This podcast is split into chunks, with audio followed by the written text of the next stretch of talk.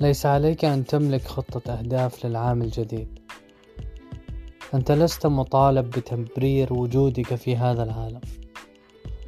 من خلال هوس التطوير المستمر لست أحد الشركات المدرجة في قائمة فورتشن 500 لتكون مطالب بتحقيق أرباح متواصلة. عليك فقط أن تكون هنا. ولا بأس أن يكون الواحد من يناير يوما آخر تعبره بسلام.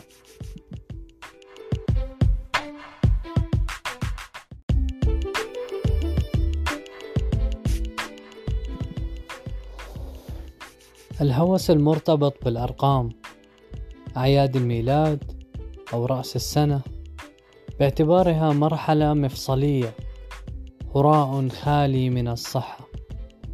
تستطيع أن تعمل لتحقيق هدفك حين تشاء. الثامن عشر من مارس العشرين من سبتمبر أو الثلاثين من سبتمبر. فقط كن بخير.